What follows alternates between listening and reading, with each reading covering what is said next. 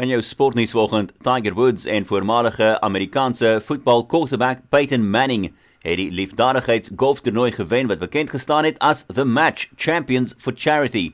Hulle klop vir Phil Mickelson en nog 'n quarterback Tom Brady. Woods en Manning het 'n laat terugvegpoging deur Mickelson en Brady afgeveg om met 1-0 te wen in gister se reëngetuisterde kragmeting in Florida by die Medalist Golf Club. Die liefdadigheidskragmeting tussen die PGA en NFL sterre het meer as 20 miljoen dollar ingesamel.